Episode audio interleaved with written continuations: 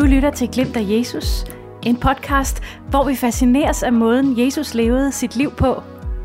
Jeg hedder Sara Lorentzen, jeg er præst i Odense Vineyard, men mest af alt er en, der forsøger at lære af Jesus, hvad det vil sige at være menneske. Du er velkommen til at være med på rejsen, uanset hvordan din relation til Jesus ser ud.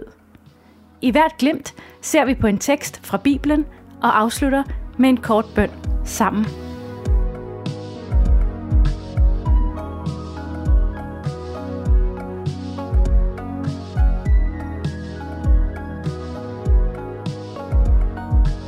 Hej og velkommen. Jeg håber, at du har haft nogle rare uger, og jeg håber, at du har mærket lidt glimt af Jesus i din dagligdag. Jeg har selv været to dage på retræte på Ådalen Retræte i nærheden af Randers. Det kan jeg virkelig, virkelig anbefale. Man er der sammen med andre i stillhed, og så er der sådan forskellige input og refleksioner undervejs. Og jeg har været der før, og det som jeg har oplevet de gange, jeg har været afsted, det er, at mit fokus dirigeres hen til, hvor nær Gud er. At han hele tiden er nær med sin kærlighed og sit lys og sin kraft. Og jeg valgte at slukke min telefon helt de her to døgn, og jeg vil gerne bekende, at jeg faktisk var ret skræmt over, hvor ofte jeg havde abstinenser efter den.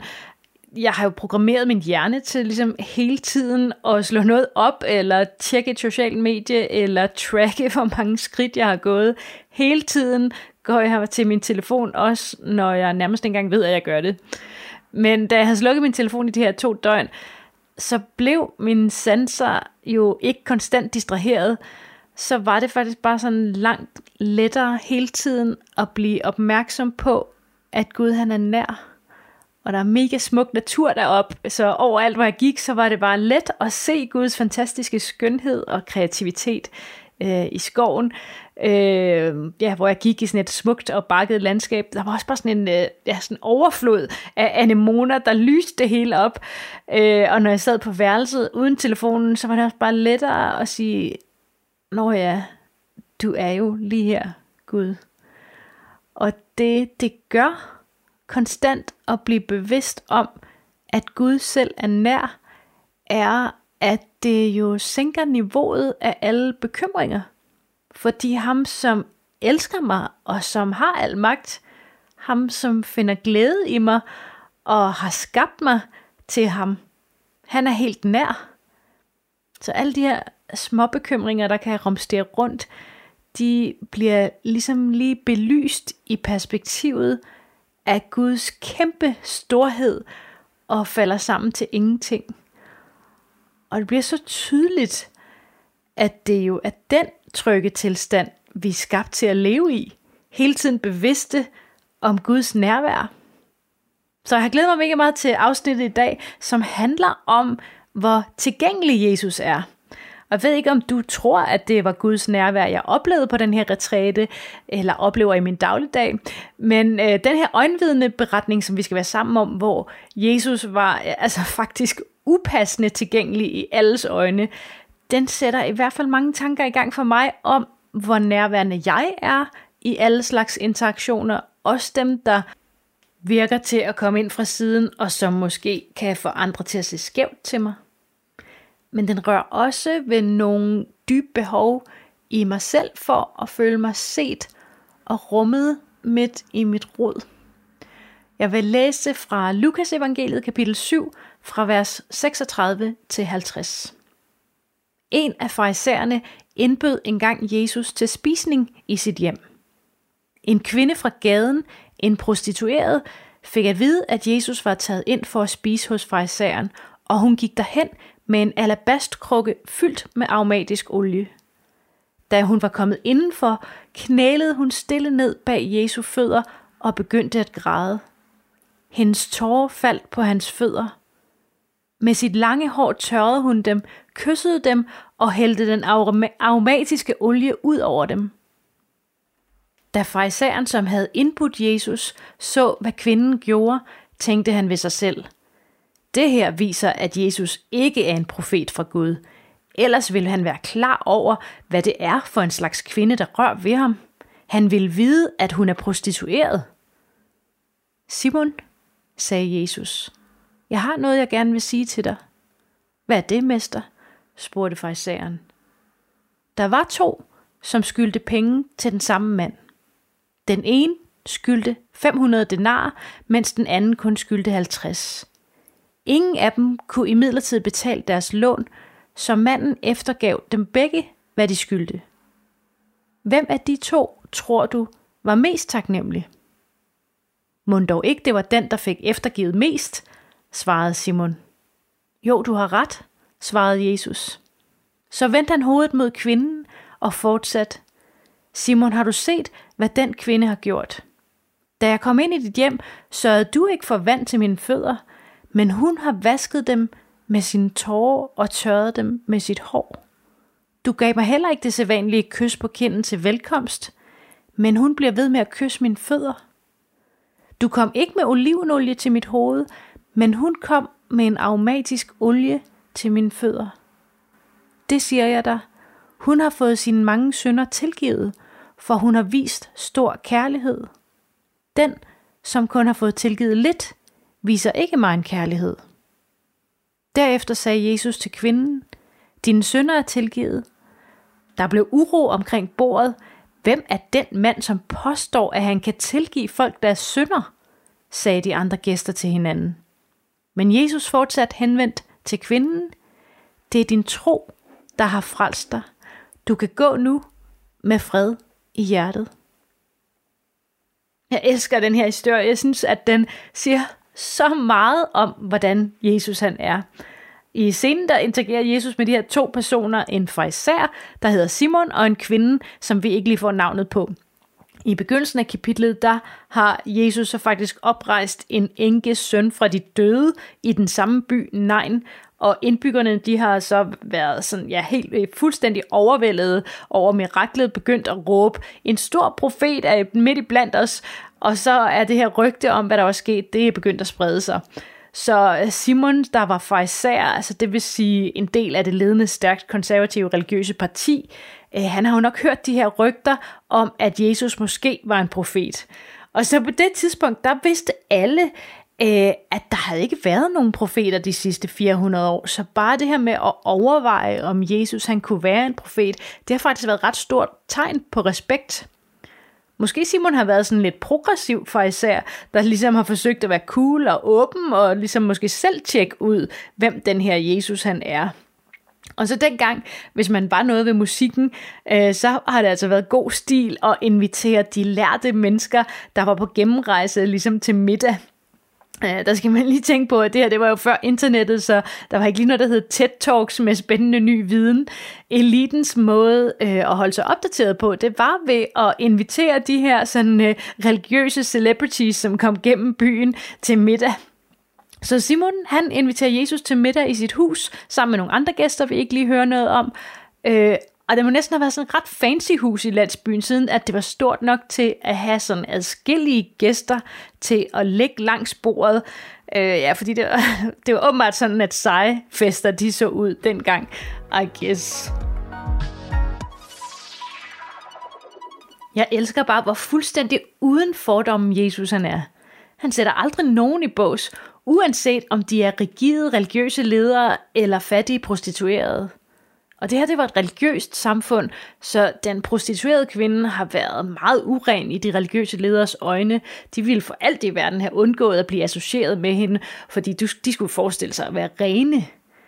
Der er ligesom noget på spil med skam og anseelse, som der også er for os konstant. Ikke? At det er jo som om, at vi hele tiden har brug for at vise, at vi er gode nok, og det er ret hårdt arbejde. Ikke? Vi lever så ikke under sådan et religiøst verdensbillede med de her regler og normer, som i den her historie. De fleste af os lever nok mere med det her humanistiske verdensbillede, hvor vi tror på mennesket.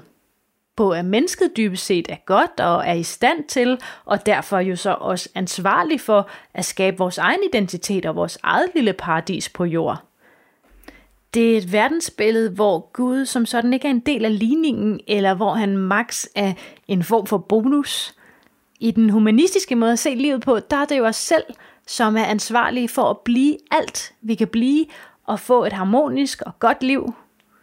En mega pres, som jeg jo nok synes, at det er mega tydeligt forkrøbler tusindvis hver eneste dag med angst og depression over ikke at kunne slå til. For det er ikke som om, at vi, ligesom fra især Simon her, dybest set tænker, at vi er, hvad folk anser os for at være. Og jeg tænker, i det paradigme, der er jo kun to løsninger, er der ikke? Præster eller lev i skam. Der er så uendelig mange områder, hvor vi skal præstere og have et liv, der får os til at se ud som om, at vi er gode mennesker, eller seje mennesker, eller beundringsværdige mennesker. Lige fra hvad vi spiser til, hvor meget vi følger med i nye tv-serier til, hvordan vores børn går klædt, eller hvor sejt et job vi har. Kæmpe præstationspres. Der er altid områder, hvor vi ikke helt føler, at vi lever op til normen, hvad den så end er. Og så lurer den der skam. Så jeg synes tit, at jeg og mange jeg kender er endt med sådan en mellemløsning, hvor jeg ligesom agerer som om jeg er en succes. Og problemet med det er jo så bare, at der følger sådan en enorm ensomhedsfølelse og fremmedgjorthed over for mig selv med så. Altså fordi vi lærer jo, at vi er elskede, når vi præsterer, når vi kan fremvise, at det kører. Det er det, der giver likes. Men så nederst nede, så kan vi jo godt mærke, at det ikke er vores sande selv, der får den kærlighed og opmærksomhed. Så vi får ligesom sådan en mangel på kærlighed, ikke? Også fordi, at vi er bange for at vise vores sande selv, og så risikerer at føle os afvist, ikke? Vi vil gerne have kærlighed, men vi er dårlige til at modtage og stole på, at vi er elskede for, hvem vi er, med al vores pinlige historie af destruktive vaner og begrænsede ressourcer. Og det her mønster, det er jo bare slet, slet ikke nyt. Det er måske menneskehedens kernekamp siden oprøret i Edens have, at vi ikke ved, hvem vi er, eller om vi er gode nok. At vi har overladt den bedømmelse til andre, i stedet for til Gud. Og i praksis læner os op af hinanden for vores identitet og glæde, i stedet for at stå oprejst mod den eneste, der kan opfylde vores dybeste behov. Jeg tror, at Jesus han vidste det, og han kom for at redde os. Og jeg tror, han kom for at redde kvinden, der træder ind i Simons hus, og jeg tror, han kom for at redde Simon. Jeg synes, den her scene, den viser mig, at han længes efter, at de begge to skal blive reddet fra deres rod og kende hans kærlighed. Den tydelige forskel her er jo måske, hvor meget de mennesker, han møder, erkender, at de har behov for at blive reddet. Den, der har fået tilgivet meget, elsker meget. Jeg ved ikke, om du finder det provokerende eller trøstende. Svaret på det spørgsmål kan måske sige noget om, hvem er personerne i historien, vi identificerer os bedst med. Og jeg tror, øh, som så mange af de andre historier om Jesus, at jeg kan se mig selv i begge historier. Fordi det minut, kvinden træder ind og begynder at græde ud over Jesu fødder, der ved Simon bare, ah, det her, det er simpelthen ikke en profet. En profet, selvom han ikke var fra den her by, han ville have vidst, at den der kvinde i byen, hun er kendt som en sønder, og en hellig mand, han vil aldrig have tilladt en sønder at komme så tæt på. Kun for at tage fuldstændig fejl, for Jesus ved præcis, hvad hun har været, og hvem hun er nu en tilgivet synder. Til synligheden har kvinden haft et møde med Jesus før den her dag. Hun må have set noget i hans blik, eller mærket en omsorg fra ham. Et eller andet må have gjort, at hun har oplevet så vild en frihed, at hun ikke engang tøver, da hun hører, at Jesus han er i byen. Hun må bare se ham og vise ham sin taknemmelighed og beundring. Og hun ved godt jo, alle ser hende som en synder, som totalt upassende, som en, som burde skamme sig og gemme sig. Men der må næsten være sket noget med hende, som er større end den menneskefrygt. Der må være sket noget så kraftfuldt, at hun ikke føler sig holdt tilbage af skam, men er i stand til at vade lige ind i et rum, fyldt af mennesker, som hun ved fordømmer hende det er jo så sådan en rimelig anderledes kultur, og privatliv ikke lige har været den store ting. Det var helt normalt på den her tid, at dørene de var åbne, og at tiggere og ekstra gæster og nysgerrige forbipasserende, de kunne sådan vandre ind. Igen, altså der var jo ikke lige noget tv, så et fancy party i en fra elitens hus har sikkert været rigtig spændende underholdning for folk, som er kommet forbi. Så den her kvinde, hun træder ind med intentionen om at salve Jesus med hendes dyre parfume. Men da hun så står bag ved ham, så bliver hun åbenbart så overvældet af følelser, at hun begynder at hulke ud over hans fødder, før hun overhovedet kan få krukken åbnet. Og det er bare pinligt, mand. Og så sådan i et forsøg på at gøre tingene bedre, så gør hun dem værre, fordi hun tænker, ah, nu bliver jeg nødt til at tørre hans fødder, så hun lader sit hår falde løst ned. Og det var ikke noget, nogen anstændig kvinde ville have gjort offentligt i den her kultur. Og så tørrer hun hans fødder med hans hår og kysser dem og hælder parfume ud over dem. Åh, altså, hvor akavet må det lige have været at se på for gæsterne. Og alligevel er den her scene så stærk, synes jeg. Jeg mener, hvor taknemmelig må den her kvinde have følt sig over for Jesus, for at kunne gå lige ind i det hus. Altså hun kunne jo godt have ventet til Jesus gik og fundet ham i al stillhed, ligesom og takket ham. Kunne hun ikke? Men åbenbart har hun ikke kunne holde hendes glæde tilbage. Hun må på en eller anden måde have vidst, at hans kærlighed var stærkere end noget som helst nogen mennesker kunne sige om hende. Kvinden vidste, at hun var brudt. Hun vidste, at hendes liv var noget rod, tror jeg. Så jeg tænker på, at da hun har mødt Jesus, der har hun været klar til at modtage hans tilgivelse og kærlighed. Og hans kærlighed må have helbredt hende og smeltet hendes skam væk. Hans kærlighed må have forvandlet hende fra at være en kvinde fanget i slaveriet af menneskers meninger om hende, til at være en kvinde fri nok til at vise pinlig dyb ømhed over for hendes redningsmand midt i blandt menneskers dømmende øjne. Er det ikke måske det, vi frygter mest? Andre menneskers dømmende øjne. Jeg elsker virkelig den her scene. Den lærer mig så meget om, hvor tryg Jesus er at være sammen med – hvor vidunderligt nærværende han er midt i min akavethed og sårbarhed.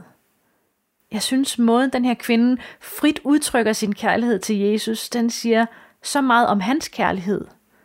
For altså, hvor stor kærlighed og respekt må hun have set i hans øjne, for at kunne handle så fuldstændig fri fra al fordømmelse.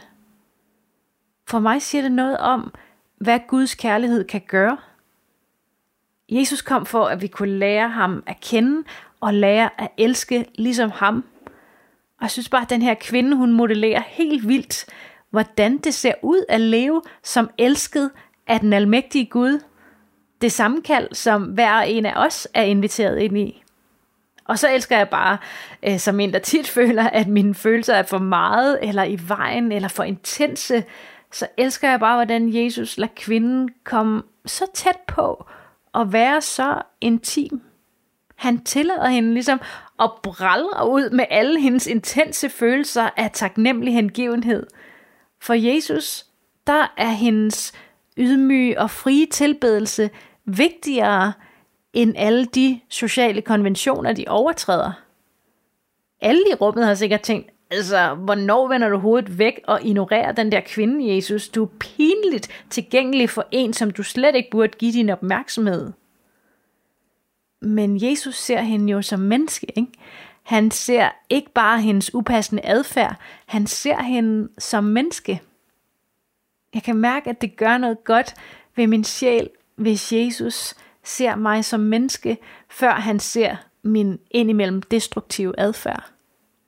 I en verden, hvor vi føler, at vi hele tiden bliver målt og vejet på, om vi nu gør det godt nok, har vi så ikke bare så meget brug for at sætte os selv i den her kvindes sted og mærke, hvordan Jesus møder os, ligesom vi er, og velkommer os med alle vores følelser. Fraiseren, som jo helt sikkert er lige så dybt elsket af Jesus, han har så ikke erkendt sit hjertes virkelige behov endnu. Så det er som om, han ikke genkender Guds generøse kærlighed, selv når den sidder ved hans eget bord. Han kan ikke se sin egen synd, sin egen dømmende attitude, hans egen mangel på kærlighed. Han er ovenkøbet sådan mere optaget af at se ud, som en andre kan misunde at virke som en, som har succes, end af at vise Jesus gæstfrihed. For især ser jo nok sig selv som en af de gode, ikke? som jeg kan gøre. Han tror stadig, at hvis han stræber hårdt nok og ligesom lige korrigerer lidt her og der, så kan han nok være god nok til Gud. Han kan slet ikke se, hvor langt væk han er fra den kærlighed, Gud ønsker, han skal leve i, kan han? For især han lever under ået af præstation, tænker jeg. Men er det ikke som om, at når vi lever under den byrde, så har vi også svært ved virkelig at se og elske de mennesker, der kommer ind i vores liv. Fraisereren var ikke i stand til virkelig at se kvinden, eller virkelig at se Jesus, fordi hele hans fokus var på, hvordan han selv tog sig ud. Jesus i sin kærlighed til fraisereren, han inviterer ham med lignelsen til at se, at livet ikke handler om at være perfekt. Faktisk falder vi alle sammen helt ved siden af i forhold til Gud. I stedet handler livet om at modtage og udleve Guds kærlighed og tilgivelse. Den, der har fået tilgivet lidt, elsker lidt. Monique Freiseren var lige så fanget i sin identitet af at skulle have succes i elitens øjne, som kvinden var fanget i hendes skam. Jesus ønskede frihed for dem begge to, som han gør for dig og mig og for alle mennesker i verden – så han fortæller den her historie, der peger på at erkende sit behov for tilgivelse. Det er som om, der er noget med, at den mængde af kærlighed, vi oplever, den måske har at gøre med at vide, hvor lidt vi har fortjent den. At den er ud over noget, vi kan fortjene. At den slet ikke kommer an på noget, vi gør. Det er ikke den kærlighed, vi møder i de fleste menneskelige relationer – det er en kærlighed fri fra al præstationsangst, som giver en kæmpe frihed, fordi vi netop ikke kan rokke ved den og ikke selv har fremprovokeret den. Som kvinden har mærket. Hun må have set den i Jesu øjne. Hun som alle andre så væk fra, må Jesus have stoppet op og været upassende tilgængelig for med sin kærlighed. Wow, altså. Og det er jo ikke sådan, at Jesus har blåstemplet eller negligeret det, de ville have kaldt kvindens synd. Det tror jeg ikke. Men han er bare slet ikke interesseret i synd. Det, der interesserer Jesus, ser for mig mere ud til at være at se os leve i den kærlighed og frihed, han har designet os til. Så han inviterer os til at skille os af med alt, der holder os fra at leve i hans kærlighed. Han inviterer os til at redirigere vores hengivenhed den her aften må have været så mega game changer for alle, der har været med, tænker jeg. Fordi når Jesus han indikerer, at han er den, der har ret til at tilgive synd, så indikerer han, at han er lige med Gud, og det har de religiøse ledere helt sikkert opfattet som fuldstændig skandaløs blasfemi, som de mener, han skal straffes for jo. Men så er der måske også nogle af dem, der har tænkt, jamen måske han faktisk er Gud som han faktisk påstår her. Så vender det jo alt på hovedet af, hvad de har forstået om Gud som en streng dommer. Man siger nogle gange, om hvem er han eller hun til at dømme, de har jo selv lavet fejl. Og det er vel dybest set sådan, alle konflikter de sker, at ingen af os ligesom har elsket ubetinget. Vi er alle sammen, vi vil alle sammen kunne blive anklaget for at have opført os egoistisk. Men så har vi Jesus her, der lever som menneske, som det eneste menneske, der ikke er styret af sin egen behov, dem har han givet over til Gud. Han er kun styret af Guds kærlighed. Han har ikke syndet, så han har faktisk ret til at dømme. Flere gange i Johannes evangeliet forklarer Jesus, at faderen har overgivet alt domsafsigelse til ham.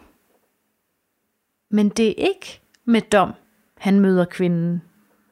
Det er med kærlighed og tilgivelse. Og det sætter hende fri fra en selvdestruktiv livsstil og fra at være slave af, hvad andre mennesker tænker om hende. Ved du, hvor meget du er blevet tilgivet for? Eller med andre ord, ved du, hvor meget kærlighed du er skabt til? Jeg tror, at hver eneste menneske er skabt til så meget mere kærlighed, end vi kan forestille os. Men hvor meget vi oplever af den kærlighed, ser ud til at afhænge helt og aldeles af, hvor dybt vi tillader Gud at elske vores sande, ikke så kønne selv.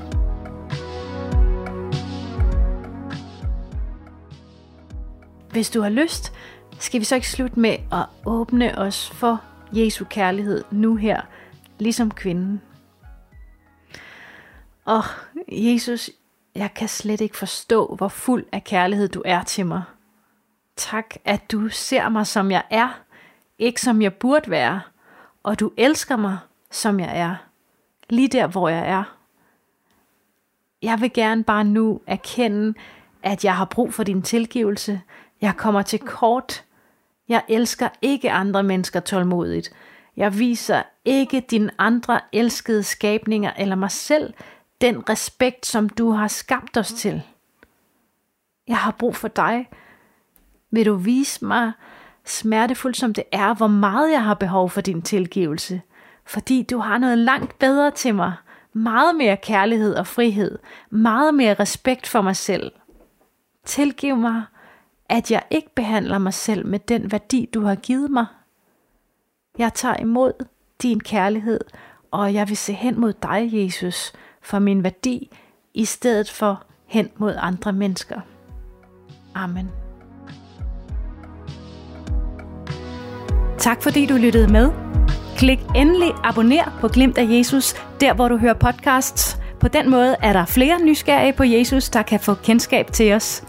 Du er også meget velkommen til på Instagram at følge mig eller Laundry.dk, der producerer den her podcast og andet godt indhold om tro. Tusind tak til Sonar Music, og vi håber, at du vil opleve glimt af Jesus i løbet af din dag.